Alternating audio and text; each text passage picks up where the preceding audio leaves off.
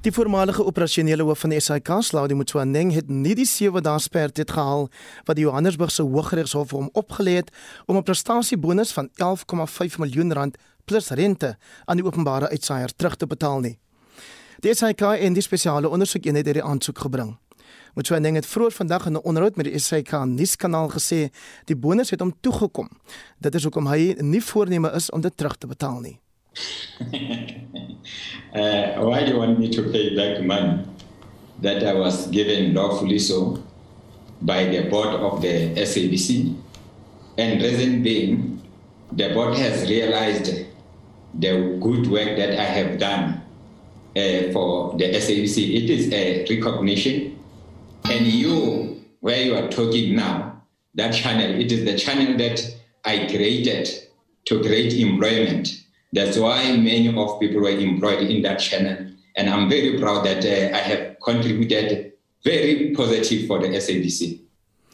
Motsoeneng sê die regter het 'n verkeerde beslissing gemaak. Hy is beloon vir finansiering wat hy uit sy eie vir die totstandkoming van die nuuskanaal gegenereer het. Sy regspan het glo reeds dokumente by die hof ingedien om teen die beslissing te appeleer. Die volledige onderhoud kan op die SABC se YouTube kanaal gesien word.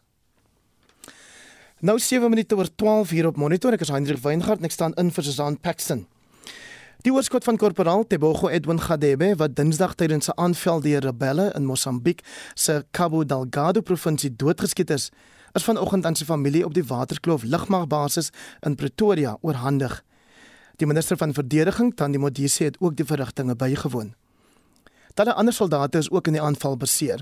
Hulle is in Mosambiek ontplooi as deel van operasie Vikela om vrede en bestendigheid te bewerkstellig in die oorloggetuisterde gebied. Ons praat nou met 'n woordvoerder van die Suid-Afrikaanse Nasionale Weermag, kolonel Louis Kerstyn. Louis, goeiemiddag. Hoe het vanoggend se seremonie afgeloop? Uh, goeiemiddag, Heinrich en ook aan die luisteraars. Dit was vanoggend 'n baie roerende seremonie toe die hoof van die Nasionale Weermag die oorskot aan die familie oorhandig het by Waterkloof lugmagbasis in Centurion. Ehm um, die oorskot van die 31-jarige korporaal is oorhandig uh, en hy was deel van die ontplooi in Mosambiek soos jy reg opgemerk het. Het die weermag enige spesiale reëlings getref vir 'n begrafnis of hoe werk dit gewoonlik wanneer soldate wat in ander lande ontplooi is op die wyse sterf? Ja. Ons is nog besig om die begrafnisreëlings te finaliseer saam met die familie en die mense sal op hoogte gehou word uh, in verband met die begrafnisreëlings. Louis, hoe gaan dit nou met die ander soldate wat ook in die aanval beseer is? Ja. Ja. Die ander lede van die nasionale weermag het geringe beserings opgedoen. Dit was regtig nie ernstig nie. Dit was so skraapmerke en hulle is nie gewond soos aanvanklik berig is nie. Hulle is op die toneel daarvoor behandel, maar dit was geen ernstige beserings nie. Watter les het die Suid-Afrikaanse weermag uit die gebeure geleer of wat sê 'n mens aan burgers van ons land wat nou dalk vra wat soek ons weermag daar? Dit is belangrik om te onthou ons is ontplooi as deel van 'n groter mag van die Suid-Afrikaanse ontwikkelingsgemeenskap. Uh die lesse wat ons leer word altyd toegepas want ons opleiding is soos wat ons sal veg en dit is wat soldate doen. So die oomblik as ons lesse het om te leer, word dit teruggeploeg in ons opleiding in en dan gaan ons weer van daar aan. Maar ek moet bevestig dat die mense wat ons ontleed in Mosambiek van die bes opgeleide weermaglede is. Hulle is spesialiste in hulle gebied. Baie baie dankie Louis Kolonel Louis Kerstyn is die woordvoerder van die Suid-Afrikaanse Nasionale Weermag. Dis nou byna 10 minute oor 12. Die Weskaap is halfpad deur die feesseisoen deur twee noodlottige padongelukke getref wat tot minstens 12 bykomende sterftes gelei het. Dit nadat die minister van vervoer vir Kilimbalula gister gesê het die Weskaap is een van die provinsies met die hoogste stygings in padsterftes vergeleke met dieselfde tydperk verlede jaar. Ons praat nou met Jandre Bakker van die Weskaap se verkeersafdeling. Jandre, goeiemiddag. Bring ons asseblief op hoogte van die twee noodlottige ongelukke waarna ek pas verwys het. Die die die sterftesyfer 9, reg?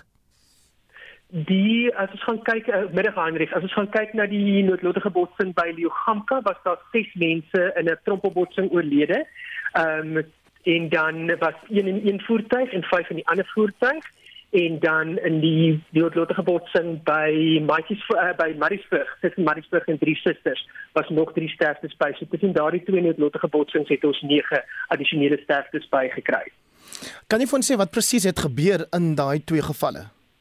Op hierdie stadium is dit nog uh, is ons nog besig om dit te ondersoek. Ehm um, wat baie maal gebeur is omdat dit trompelbotsing is, het iemand uit sy eie baan uit beweeg en dit is baie keer te danke aan iemand wat of moeg is wanneer hulle bestuur en en oorbeweeg in 'n ander baan, iemand wat deur iets afgese aandag het by deur iets afgelei word, soos byvoorbeeld 'n selfoon, iemand wat aan die slaap raak agter die stuur of wat verbysteek waar dit noodwendig uh, veilig is om so te doen. So ons is tans besig om daarna ondersoek in te stel en sodra ons dit weet, dan kan ons natuurlik ehm um, aksies loods om om ander bestuurders en ander padgebruikers daarvan bewus te maak sodat hulle nie hulle self ook skuldig maak aan daardie gedrag nie.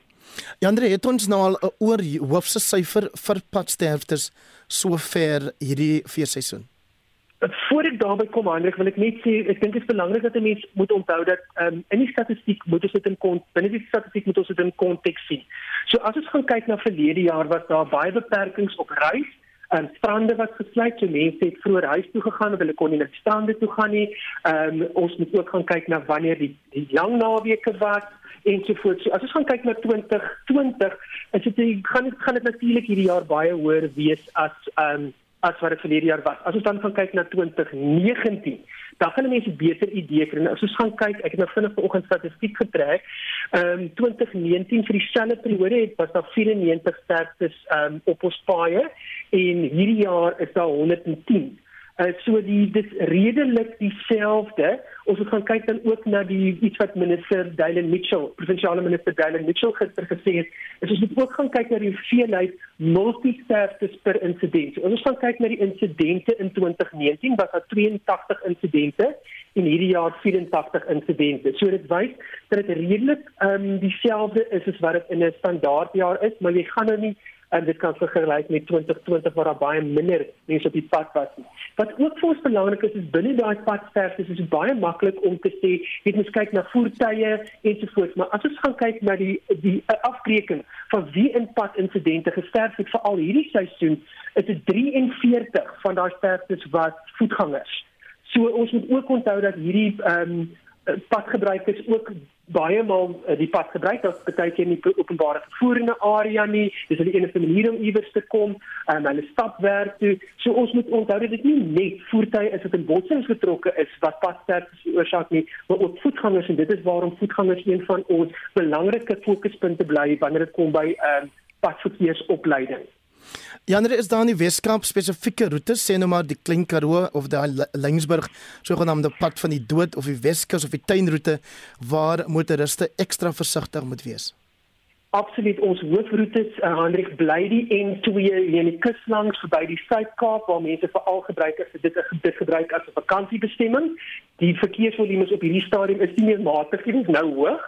Uh soos wat mense die in die oploop na die Kersnaweek toe dan ook die R27 aan die Weskus sowel as die N7 soos wat ouens Noord-Kaap toe en ook in ander um, in buurlande gaan kuier oor die feesseisoen maar ons groot um, fokus op hierdie stadium en ons is besig om tans ons planne aan te pas om te kyk of ons die addisionele hulpbronne na die area toe kan ontplooi nie. Bly die N1 uh, veral vanaf Lensburg tot in Beaufort Wes en dan weer van Beaufort Wes uh, via die R61 want dis waar jou meeste van jou openbare vervoer veral na jou Ooskaap toe beweeg op hierdie stadium. So daar's baie hoë verkeer en natuurlik wanneer daar 'n uh, 'n insident op ons paai plaasgevind het, dan is daar mos net so 'n bietjie van 'n bottleneck op 'n punt en dan begin die ouens ongeduldig raak om van daar af te beweeg. So soos wat ek vroeër ook gesê het, ek dink dit is belangrik dat 'n mens hierdie tipe van gebeurlikhede in jou beplanning infaktor. Dat as jy ry, dat jy vir jouself so klein bietjie van 'n buffer ingee dat jy nie inplaas dat jy nie noodwendig moet jaag om dit op te maak nie, dat jy rustig jou reis voortsit, elke 2 ure stop, bene strek, nie verbygaan waar dit nie veilig is nie en dan nooit te drink en te bestuur nie. Jandre, 'n kort antwoord asseblief. As julle ervaring ook soos wat minister Fikile Mbalula gister gesê het dat dronkbestuur en onverskilligheid steeds maar van die algemeenste algemeenste oortredings is. Absoluut. As ons gaan kyk na verlede week se statistiek, 37 arrestasies waarvan 20 vir um, drank was en nog 2 vir roekelose nalatige bestuur en 2 vir spoed. As jy dan die die, die gemiddelde uitwerk is dit beslis dieselfde in die Weskaap. Wat is die tema van julle padveiligingsveld tog hierdie jaar en word daar ag geslaan daarop? Ons ehm um, soos wat jy nou gesê het, bly dronkbestuur vir ons 'n probleem en ons het ons safely home calendar. Dit is 'n uh, uh, as ek Engels mag gebruik 'n award winning program um vir padveiligheid en elke maand het 'n spesifieke fokus en Desember beide Desember en Januarie is #booze-free-roads. Um so dit gaan juist om nie te drink en te bestuur nie soos wat ons sê die hoeveelheid as jy gaan kyk na die, die bloedalkoholvlakke daar's definitief 'n afname ons het nie meer daai 10 en 20 keer oor die as ek nou kan bietjie kan oordryf oor die ehm um, limiet nie, maar dit is steeds oor die limiet. So daar's definitief 'n positiewe beweging, maar nie wat ons dit wil hê nie. Jandre baie dankie. Jandre Bakker is die woordvoerder van die Wes-Kaapse Provinsiale Verkeersafdeling. Dis nou 16 minute oor 12 hier op Spectrum. Stormweer in KwaZulu-Natal, er somerweer of somerreën liewer hier in Gauteng en 'n Oos-Kaapse tornado of nie? is van die weerverskynsels wat ons oor die afgelope klompie dae ervaar het. Ons praat nou hieroor met Henning Grobler, hy is 'n voorspeller by die Kaapstadse kantoor van die Suid-Afrikaanse Weerdiens. Middag Henning. Middag Hendrik en uh, goeiemiddag aan julle luisteraars. Hoekom sou twee erge donderstorms twee weke gelede in die Oos-Kaap inwoners laat glo het dit is 'n tornado wat nou wel nie deur die Weerdiens bevestig is nie? Wel ek dink as eh, as dit waargeneem is as 'n tornado en dit is vir mense baie keelagtig gelyk dan is dit baie maklik om dan te sê dat dit wel 'n tornado was en ons radarstelsels tel nie altyd hierdie klein tornado's op nie. En uh, ja, dit hang maar baie af hoe mense dit interpreteer interpreteer wat ou sien, maar nie onmoontlik nie. Ons ons kry dit van tyd tot tyd dat dit wel voorkom. Van tyd tot tyd hoe gereeld kom tornado's voor? Wel eintlik ons uh, kry tornado's in Suid-Afrika wat voorkom op hierdie stadium wat ons sit is ons is 'n groot land. Ons het nie oral in die land mense nie. So uh, die tornado's wat ons wel waarneem is maar as gevolg van mense wat in die omgewing is wat dit sien en 'n tornado is maar gewoonlik maar 'n klein uh, fenomeen wat voorkom. So dis nie 'n wyd verskeide uh, uh, uh, fenomeen wat voorkom nie. Dit word maar op, op uh, uh, enkele plekkies gesien. So ons kry dit wel, maar nie soveel as wat ons gedink het ons kry nie. Is die reën wat ons vandag hier in Gauteng ervaar gewoon vir hierdie tyd van die jaar, Henning? Eintlik ja, julle sit in 'n somerreënvalstreek en uh, absoluut normaal vir hierdie tyd van jaar wat voorkom. Wat wel 'n bietjie anderste is is dat ons het 'n La Nina verskynsel wat op die oomblik oor ons grootste gedeelte van die land voorkom en uh, dit bring vir ons bietjie meer reën as wat ons verwag het en wat uh, en ook meer reën as is die normaal. So 'n bietjie meer reën as wat ons uh, altyd verwag, waarom niemand kla daaroor nie. Dit bring heerlike koeler weer daaroor die Gauteng area en ons kry goeie neerslag wat ook voorkom hier in die droë Karoo area as gevolg van hierdie La Nina verskynsel. So ja, ek dink niemand kla oor die ekstra reën wat ons hierdie jaar kry nie. Verduidelik asseblief vir ons wat aanleiding gee tot tot die vratstorm wat gister in Pietermaritzburg dan KwaZulu-Natal uitgebreek het. Ek dink dit is maar 'n sakelike baie sterk ontwikkelde donderstorm of 'n supersel wat daar voorgekom het wat stadig beweeg het wat daar genoeg vog was en 'n uh, uh, uh, uh, ontwikkeling wat plaasgevind het en dit het maar net gelei tot goeie haal wat in die stelsel ontwikkel het en wat dan uh, afgeval het tot op die grond. So uh, nie ongewoon nie. Ons in in, in enige donderstorm is daar altyd 'n kans vir haal wat kan voorkom. Uh, Party uh, donderstorms se kans is net groter as ander. Nou natuurlik die groot vraag vir baie van ons luisteraars, wat kan verwag word oor die naweek en veral Saterdag wanneer daar Kersfees gehou word? Ja, ek, ek dink ons kan oor die grootste gedeelte van ons begin in die somerreënvalstreek. Ek dink 'n gedeeltelik bewolk en warm dag aanvanklik, dan word dit bewolk en dan wyd verspreide bye en donderbye wat Saterdagmiddag kan voorkom, veral hierso oor uh, die oostelike uh, binneland en die oostelike gedeeltes van die land. Ons hele somerreënvalstreek uh, as gevolg van die omvolg wat weer van die noorde en van die ooste af gaan invloed daar by julle so uh, gedeeltelike bewolking warm in die oggend. Word bewolking en dan met 'n uh, verswyd verspreide bye en donderbye en die donderbye sal dan ook aftrek in die ooskaap en, en as ons gelukkig is ek dink so is 'n 30 tot 'n 60% kans vir reën wat ook dan of donderbye wat dan ook oor die sentrale binneland van die Weskaap kan voorkom wat so ver kan aftrek as ons gelukkig is tot hier by Woester Robertson area. So baie groot area. Die area wat ons nie voorheen gaan gee nie is ongelukkig die grootste gedeelte van die Noord-Kaap uh, en dis ook die enigste area wat ons niks verwag nie. Is dit te vroeg om nou al te sê wat volgende naweek die geval kan wees? Chris Reinhard ongelukkig ja, my kristalbal kan nie so ver vooruit kyk nie. So ek kan nie alle akkurate voorspellings gee vir volgende naweek nie. Julle heeltemal reg. So bye bye, dankie. Henning Grobler is 'n Kaapse voorspeller van die Suid-Afrikaanse Weerdiens. Nou 20 minute oor 12. Die kommunikasiewerkersvakbond, die CWU, sê hy sal verpligte inentings teenstaan in maatskappye waar hy lede het. Een so 'n maatskappy is die selfoonreus MTN wat aangekondig het dat hy van volgende maand af 'n verpligte inentingsbeleid vir sy werknemers gaan implementeer. Die CWU president, Clyde Marvin sê hulle verteenwoordig die meerderheid werknemers by MTN. We can only encourage members to vaccinate, but it should never be made forcefully. Die CVE is tans in omstredenheid gedompel na die skorsing van sy hoofsekretaris Aubrey Jabalala 2 maande gelede. Hy sal dissiplinêr verhoor word op 8 aanklagte. Dit sluit in dat hy op ongemagtigde buitelandse reise gegaan het en ook versuim het om sy werk te doen in ooreenstemming met die vakbond se grondwet. Marvin het so op die stand van die CVE tans gereageer. The matter of the General Secretary is an internal matter. There's a process we are following, which is an internal hearing, and that is currently underway, and one cannot predict when it will come to an end. But as an organization, we just want to speedily resolve the matter so that we can go back to normal and go back to business as an organization. In any organization, we work collectively. Yes, there are challenges, as I've indicated, but obviously, as an organization, we are going to respond to all the issues in our sector because currently our sector is, is under attack. And as an organization, we have to respond to all the challenges in various companies. Die CWU president Clyde Marvin het die verslag deur Mongeni Mutwa in Johannesburg en ek is Justin Kennerly vir SA Garnis. Die afgelope jaar was 'n jaar waarin die valbuil op die ANC se sekretaris-generaal Ys Magashule geval het.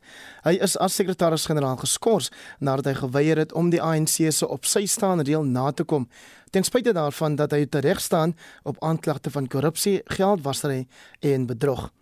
Esie de Klerk kyk na die aanklagte teen Magashule en sy pogings om te probeer om dit te omseil. In Julie het 'n volbank regters van die Hooggeregshof in Johannesburg Magashule se aansoek om teen sy skorsing te appeleer met koste van die hand gewys. In September is sy aansoek tot verlof tot appel teen die uitspraak van die Hooggeregshof ook van die hand gewys. Die aanklagte teen Magashule spruit uit 'n kontrak ter waarde van 255 miljoen rand om asbestakke te verwyder toe hy die premier van die Vrystaat was. Magashule, 10 ander verdagtes en 5 maatskappye word deur 70 aanklagte van bedrog, korrupsie en geldwasery in die gesig gestaar. In November het Magashule, die sakeman Edwin Saudi en die voormalige direkteur-generaal van die Departement van Menslike Nedersettings, Tabani Zulu, in die Hooggeregshof in Bloemfontein aansoek gedoen dat die aanklagte teen hulle teruggetrek moet word. Hulle hou vol dat die staat se saak teen hulle bevooroordeeld is en gegrond is op getuienis wat voor die kommissie na staatskaping afgelê is. Magashule se regsverteenwoordiger het die nasionale vervolgingsgesag daarvan beskuldig dat hy oneerlik is oor Magashule se voormalige persoonlike assistent, Marwadi Jolota. Jolota is nou in die VS aangebaseer en die staat het 'n lasbrief vir haar inhegtenisname uitgereik. Die NVG se woordvoerder, Mthunzi Maga, sê sy het nie saamgewerk nie. We have evidence against her.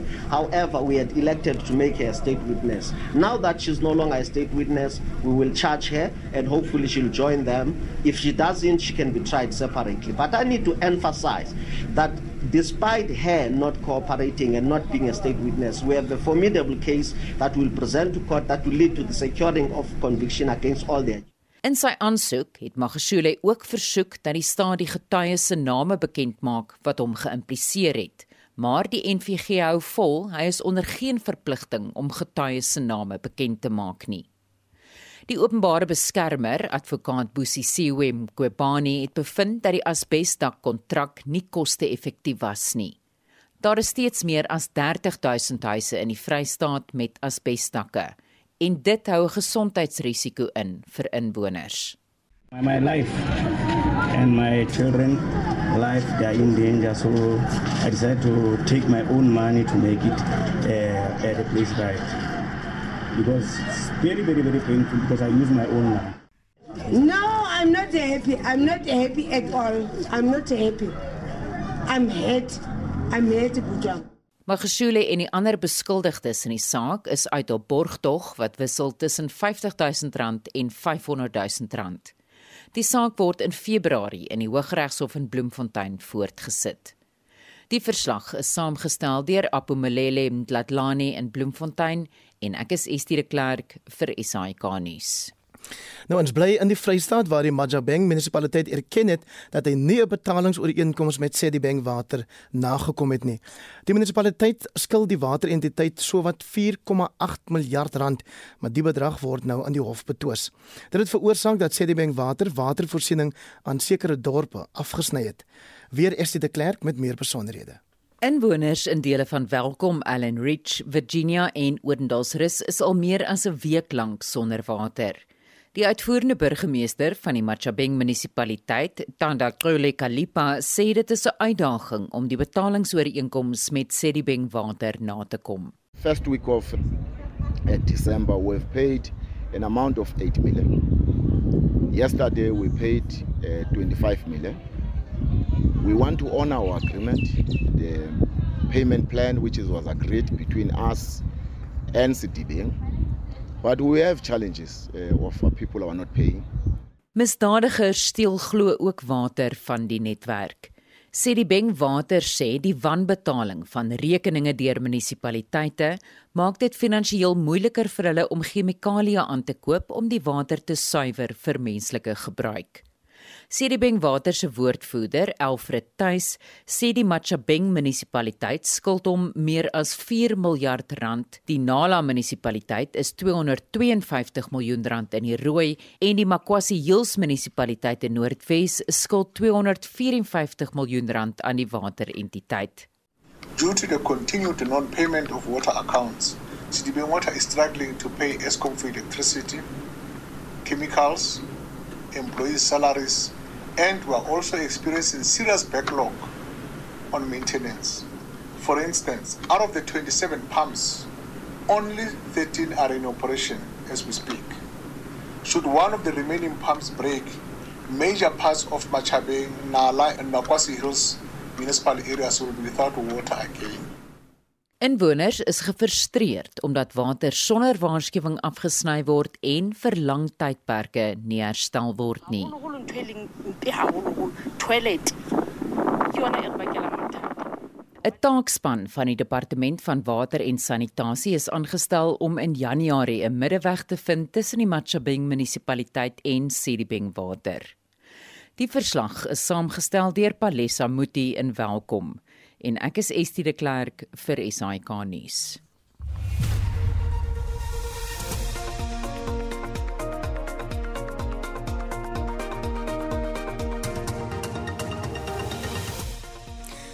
.30 en in ons program Sapra het goedkeuring verleen vir die toediening van 'n skraagdosis van Johnson & Johnson se COVID-19-enstof. Meer as 100 mense sterf sedert die begin van die maand in motorongelukke op Wes-Kaapse paaie en ANC personeel ontvang slegs 'n gedeelte van agterstallige salarisse. Daar is geen verkeer. In Mpumalanga op die N4 in 'n oostelike rigting is daar druk verkeer soos wat jy die Middelburg Plaza nader, wees maar geduldig as jy daar ry. In KwaZulu-Natal op die N2 noord net na die EB Kloete wisselaar staan 'n voertuig in die linkerbaan. In Johannesburg op die N12 Wes net na die Elektron wisselaar staan daar ook 'n voertuig in die linkerbaan en op die N12 Wes is die stilstaande voertuig net voor die Reading wisselaar uit die weg geruim en verkeer daar vloei weer goed. Dis jou verkeersnuus, veilig ry. Engele,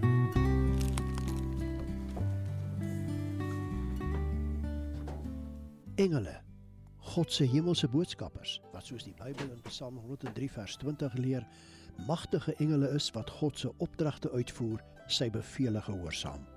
En daarom is dit nie vreemd dat engele teenwoordig was op daardie eerste Kersdag toe Jesus, seun van God, gebore is en dat hulle saam Kersfees gevier het nie. Kom luister na die spesiale Kersprogram ook die engele vier Kersfees op Kersaand 25 Desember om 10 oor 6 net hier op RSG saamgestel deur Flip loods.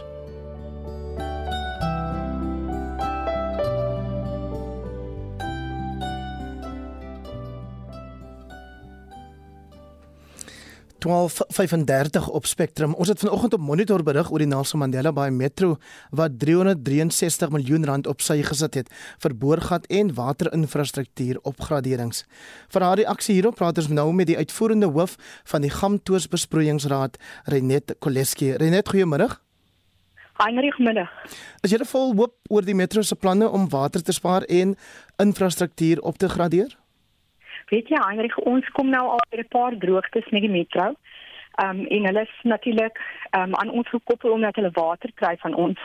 Maar jy weet die die die ehm um, aksies van die metro is noemenswaardig oor die laaste tyd het hulle baie gedoen om te kyk of hulle water kan spaar.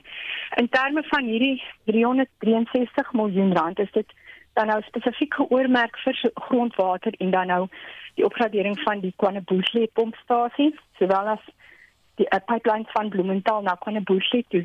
Nou dit is belangrik in terme van die feit dat deel van KwaNobuhle heeltemal afhanklik is van die Luri dam af. So hulle kan nie regtig van 'n uh, ander bron kry nie en daai Luri dam voorsien die Kouga dam nou ook van water. Maar ehm um, wat ek wil sê oor of ons hoopvol is of hulle dit dan nou sal kan doen. Jy weet die een van die groot dinge in terme van die metro en omdat ons so lank verhouding met hulle het, is dat jy sien dat hulle het politieke wil in die metro is nodig. Jy sien baie keer dat daar 'n gebrek aan finansies is. In hierdie geval is daar begroting dan nou geskuif om dit te doen. En dan nou die ander ding wat baie belangrik is, die ondersteuning van ander departemente want die metro se waterafdeling bestaan uit baie um, kundige mense. So as jy net daai drie faktore kan kry dat dit saamwerk, dan kan gaan jy definitief kry dat hulle dit gaan kan implementeer en gedoen kan kry. So die droogte Renet kom nou al 'n lang tyd aan. Ons het nou vanoggend geluister na die burgemeester Eugene Johnson. Klink dit vir jou ook asof die nuwe leierskap 'n werkbare oplossing kan deurvoer? Man ek hoop regtig so want jy weet ons het nou oor baie jare ook gesien dat die uh, die die drama wat in die metro altyd gebeur in terme van politiek. Ja, maar sy is dan 'n vrou, so maak dit 'n verskil. op diens ja op dienslewering en en en dis hoekom ek noem daai jy weet jy daai drie in in, die metro nodig om te werk en ek gaan vir jou kan sê dat die mense van die metro gaan waarskynlik sê daar's ander faktore wat ook nodig is. So as jy net die politieke wil daarso het en as jy uh, kan uh, mense hê wat die, die, die jy weet druk om hierdie dinge gedoen te kry en saam kan werk met jou uh, waterdepartement binne die metro dan het ek baie hoop daarvoor. Uh, dit baie nodig. Ek dink 'n mens moet um, verstaan dat hulle wel voortdurend werk aan water demand management. Um, goed soos lekker regmaak. So dit is 'n proses wat al jare aangaan. Hierdie eh, geld is nou net vir spesifieke goed omdat ons in 'n unieke situasie is. Maar ek ek hoop regtig dat die die leierskap die geleentheid en die en die um, area sal skep waar in hierdie dinge gaan kan gebeur. Dit is verskriklik belangrik. Um op die, op die ouend is dit die manier om te bewys dat diens gelewer kan word aan die um aan aan aan die inwoners van die metro.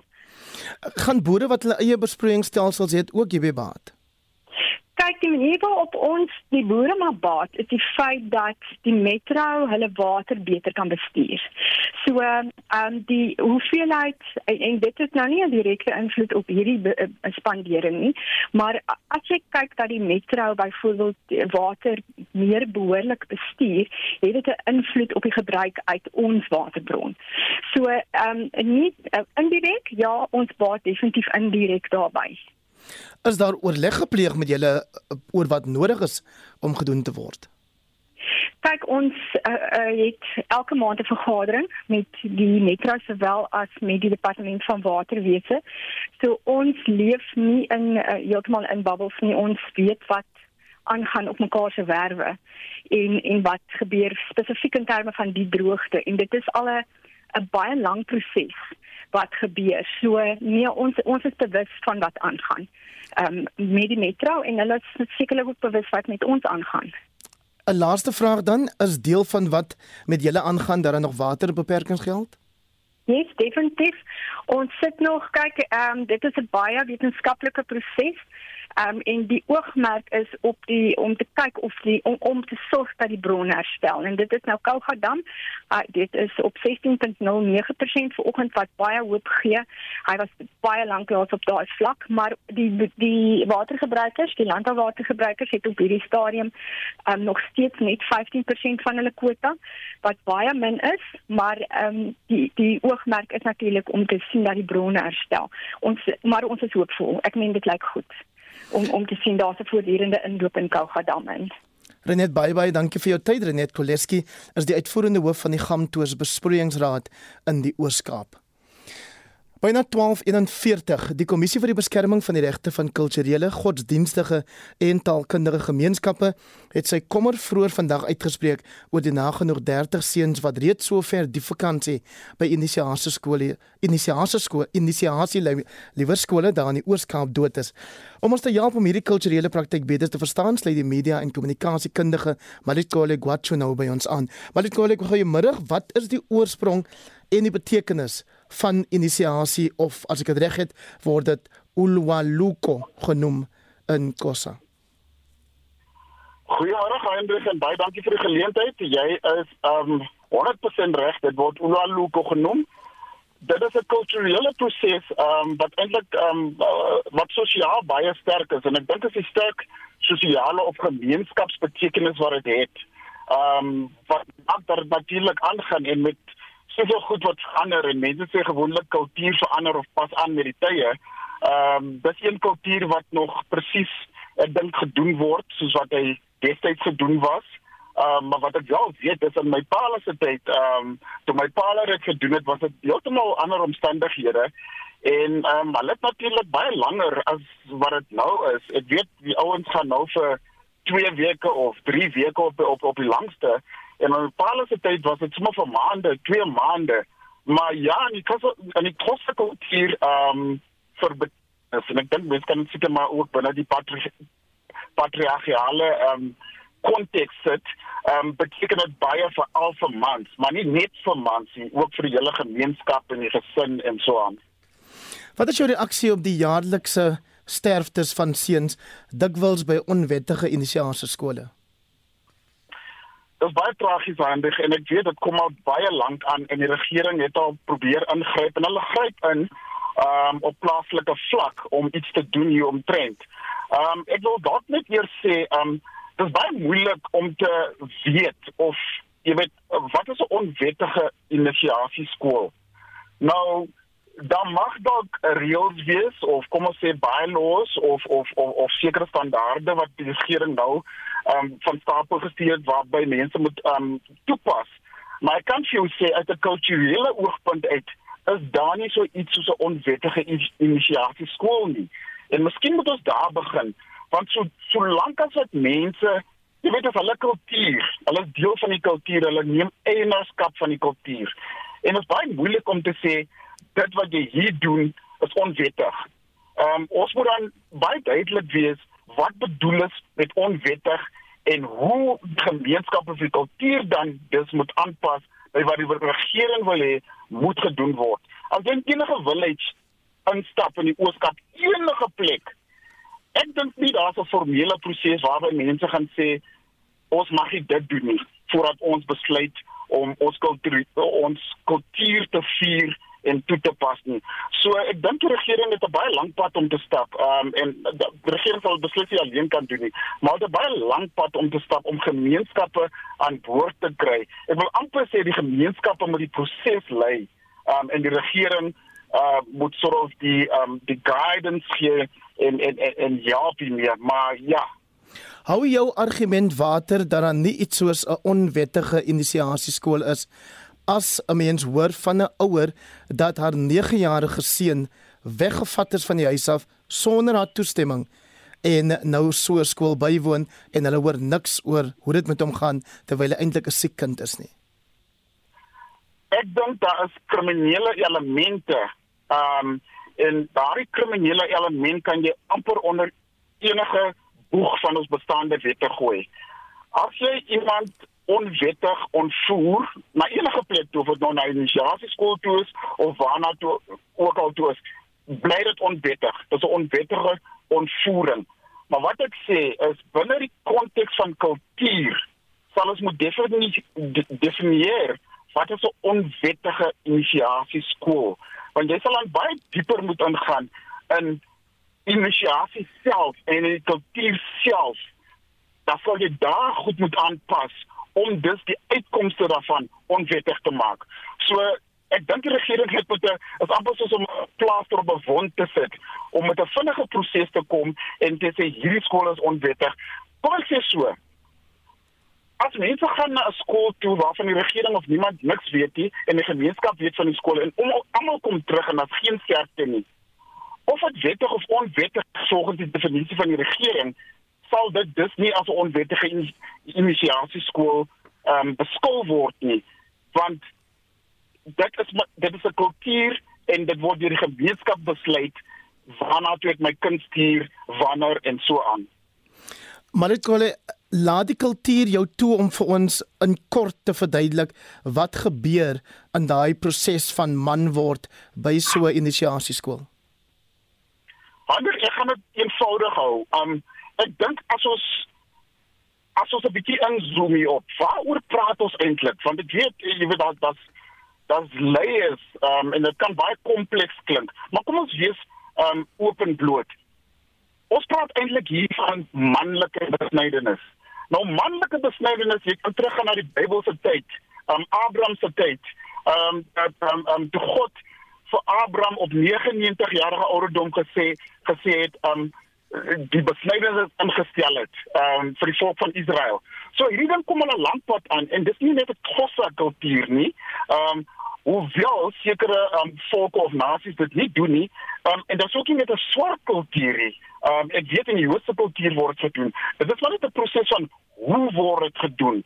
Um, um, en in vandag se tyd, as ons nou sê manlike besnydenis en dan kan 'n mens dit amper um, translate na die mediese toe. So dat dit 'n mediese proses en dit waar die probleem of die moeilikheid inkom in vandag se lewe want dit is 'n mediese proses wat deur leuke toegepas word buite die mediese konteks met goed wat verander het deesdae. Dit wat so baie baie dankie. Ehm um, hy is 'n media en kommunikasiekundige wat met ons gepraat het oor die dood van jong seuns by inisiasieskole in die Oorskaap spesifiek 1248 die 40-jarige Andries Daniels van die strand in die Weskaap het tydens sy studentejare as 'n deurwag gewerk maar het onlangs sy doktorsgraad in wingerdkunde aan die Universiteit Stellenbosch verwerf. Daniels het geskiedenis gemaak deur die eerste swart man te word wat die mylpaal bereik. Hy het aan Annelien Moses verduidelik wat dit geverg het. Dit was verskriklik moeilik. Dink jy die mense het nog genoeg tyd gehad om met te vertel regtig waar wat die hele journey was vir my tot hier so nie. Dit was nie maklik geweest nie jy weet. Om te werk en om te studeer is nie baie maklik nie. En ek is nog 'n leier ook jy weet. Ek is baie betrokke by die Unie. Ek is sekretaris van die Unie. Ek dien op verskillende komitees in my leierskapsposisie daar so en wat ek alles daar gedoen het en die verteenwoordiging van die verskillende lede basis hulle belange en ook die hele organisasie jy weet die rol wat ek gespeel het in die vorming van policies. So ek speel 'n deurslaggewende rol by die NBF, soos hulle dit noem, die National Bargaining Forum, waar al die besluite gedoen word. So ek dien op baie verskillende forums. So dit is regtig baie moeilik, uh, was baie moeilik vir my gewees om dit alles te juggle basis. Die PAD die navorsing bank die inbank die lidmaatskap by die SASF so uh, dit was nie maklik geweest om daar uit te kom nie het jy langs die pad gevoel dat jy wil tou opgooi Natuurlik mens voel altyd so. Jy weet die eksperimentele werk was al klaar so verskriklik intensief geweest want omdat ons voorspellingswerk gedoen het, is dit is baie akkurate werk wat jy moet doen basies. So ek moes vroeg opstaan. Vroeg in die oggend moet ek opstaan en dan moet ek die drywer gaan oes en dan moet ek dit kom skandeer in die laboratorium en mm. dan moet ek dit in full op berg en sê dan moet ek dit evalueer. Dan moet ek mm. monsters trek en deur alles dit, maar ek kan nie sê ek is besig met my studies. Ek kan nie my werk doen nie. Ek word salaris betaal so ek moet my werk ook gedoen het. En jy weet mense se lewe, persoonlike lewe ook. So my persoonlike lewe het maar baie hoe kan ek sê skade gelei ook in daai proses en vertel my van jou ondersteuningsnetwerk Ek het nog altyd ongelooflike vriende en familie gehad. Jy weet my ma en my broer was nog altyd daar gewees om my te ondersteun. En my vriende kan ook, jy weet, en ook my studieleier, professor Linus Opara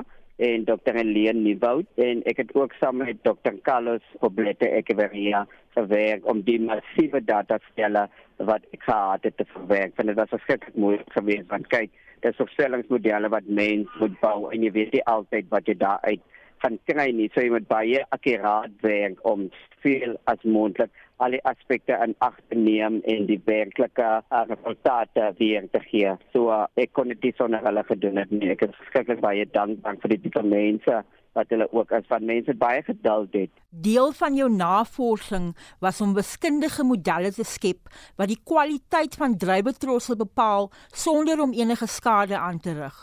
Hoe werk dit? In die bedryf in as jy wil weet of wat die suikergraad drywe word geoes op grond van suikergraad alle noem dit totale op losbare vaste stowwe jy weet die konsentrasie suiker daar in die glikose en dit is so. Ons gebruik 'n fraktometer gewoonlik in bedryf om dit te Nee, maar om dit te doen, moet jy die druiwekorrel stukkend druk. So dit beteken jy moet 'n korrel pluk en dit stukkend druk en weer weer aan dit as dit korrel gaan stukkend druk en so moet jy die hele vingerblok stap basies om te meet want daar is spesifieke riglyne wat gestel word by watter suikergraad elke kultivar geoes moet word. Maar soos jy kan indink jy nou die hele dit moet doen.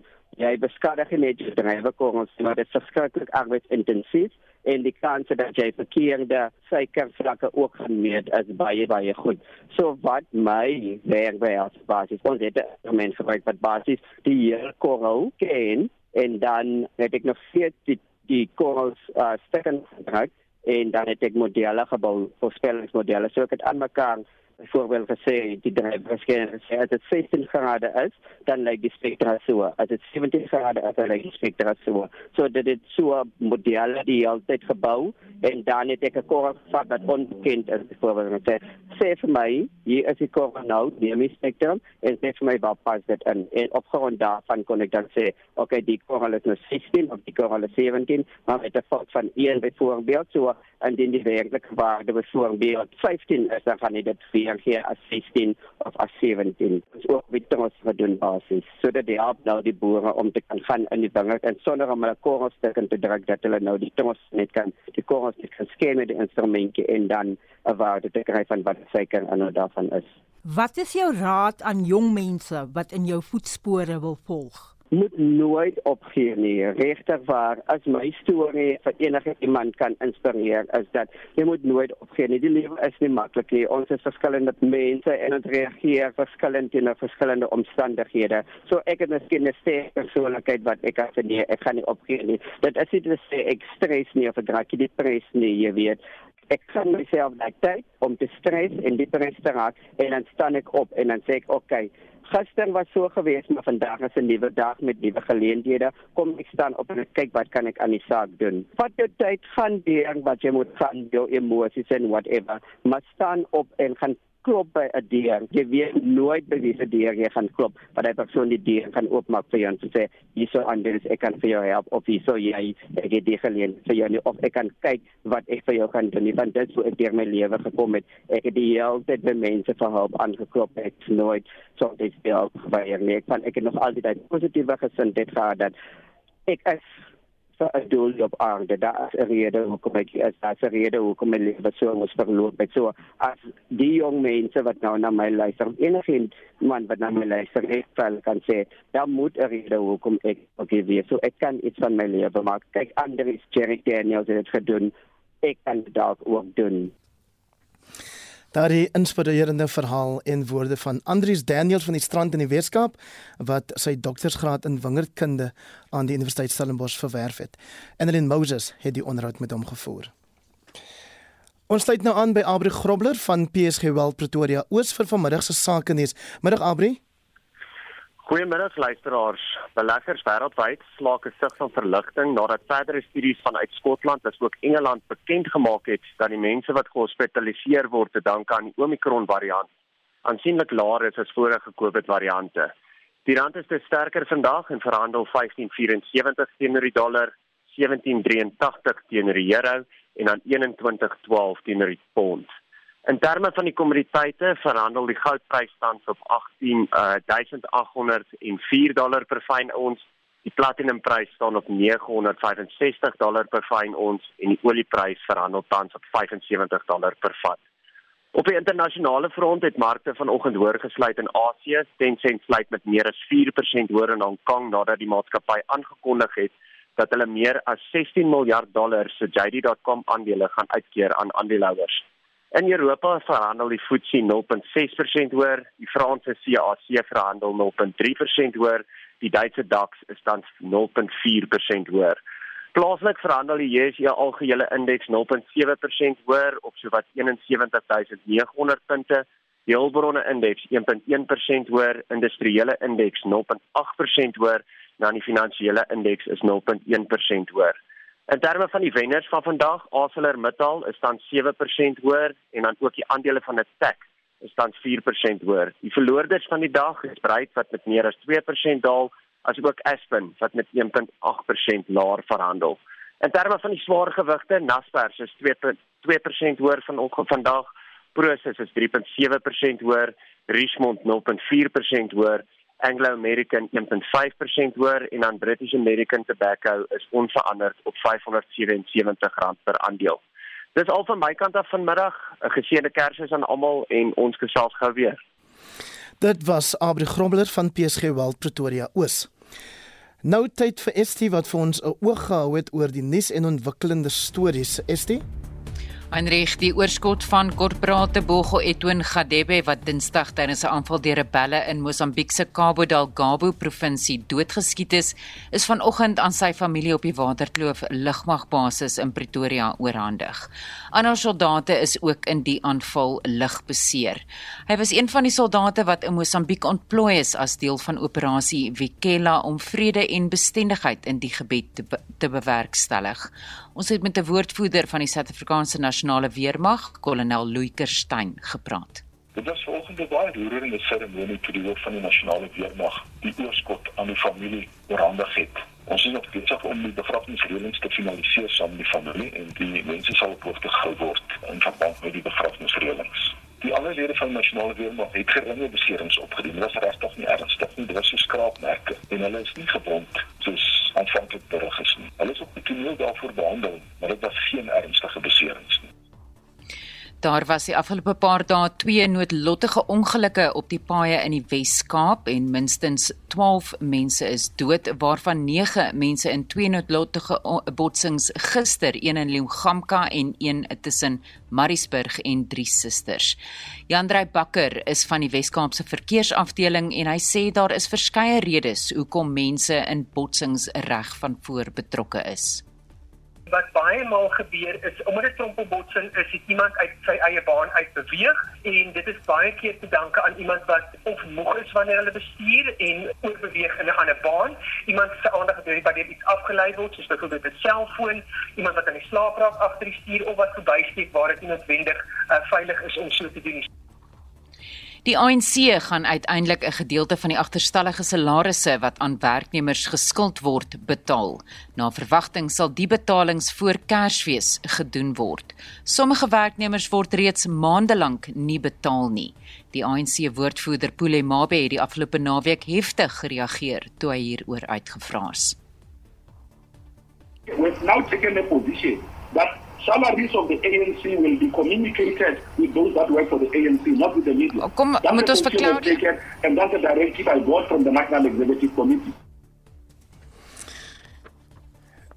En dan die reguleringsowerheid vir gesondheidsprodukte SAPRA het goedkeuring verleen vir die toediening van 'n skraagdosis van Johnson & Johnson se COVID-19 enstof. Heinrich Estie baie dankie. Môreoggend is 'n uh, monitor praat die hoofredakteur van en uitvoerende direkteur van die Afwoordeboek van die Afrikaanse taal, Dr Willem Botha oor ou Kersaand en Kersfees en hy kyk ook na uitdrukkings rondom Kersfees. Dan al van ons vandag, ek groet namens ons uitvoerende regisseur Nicoline de Wee. Sy was ook vandag se redakteur, sy redakteur en dan ons produksieregisseur Frik Wallis. Ek is Hendrik Weingart wat ingestaan het vir Susan Paxton. Ons groet jou tot môre. 'n lekker middag vir jou. SAK nuus. Onafhanklik, onpartydig.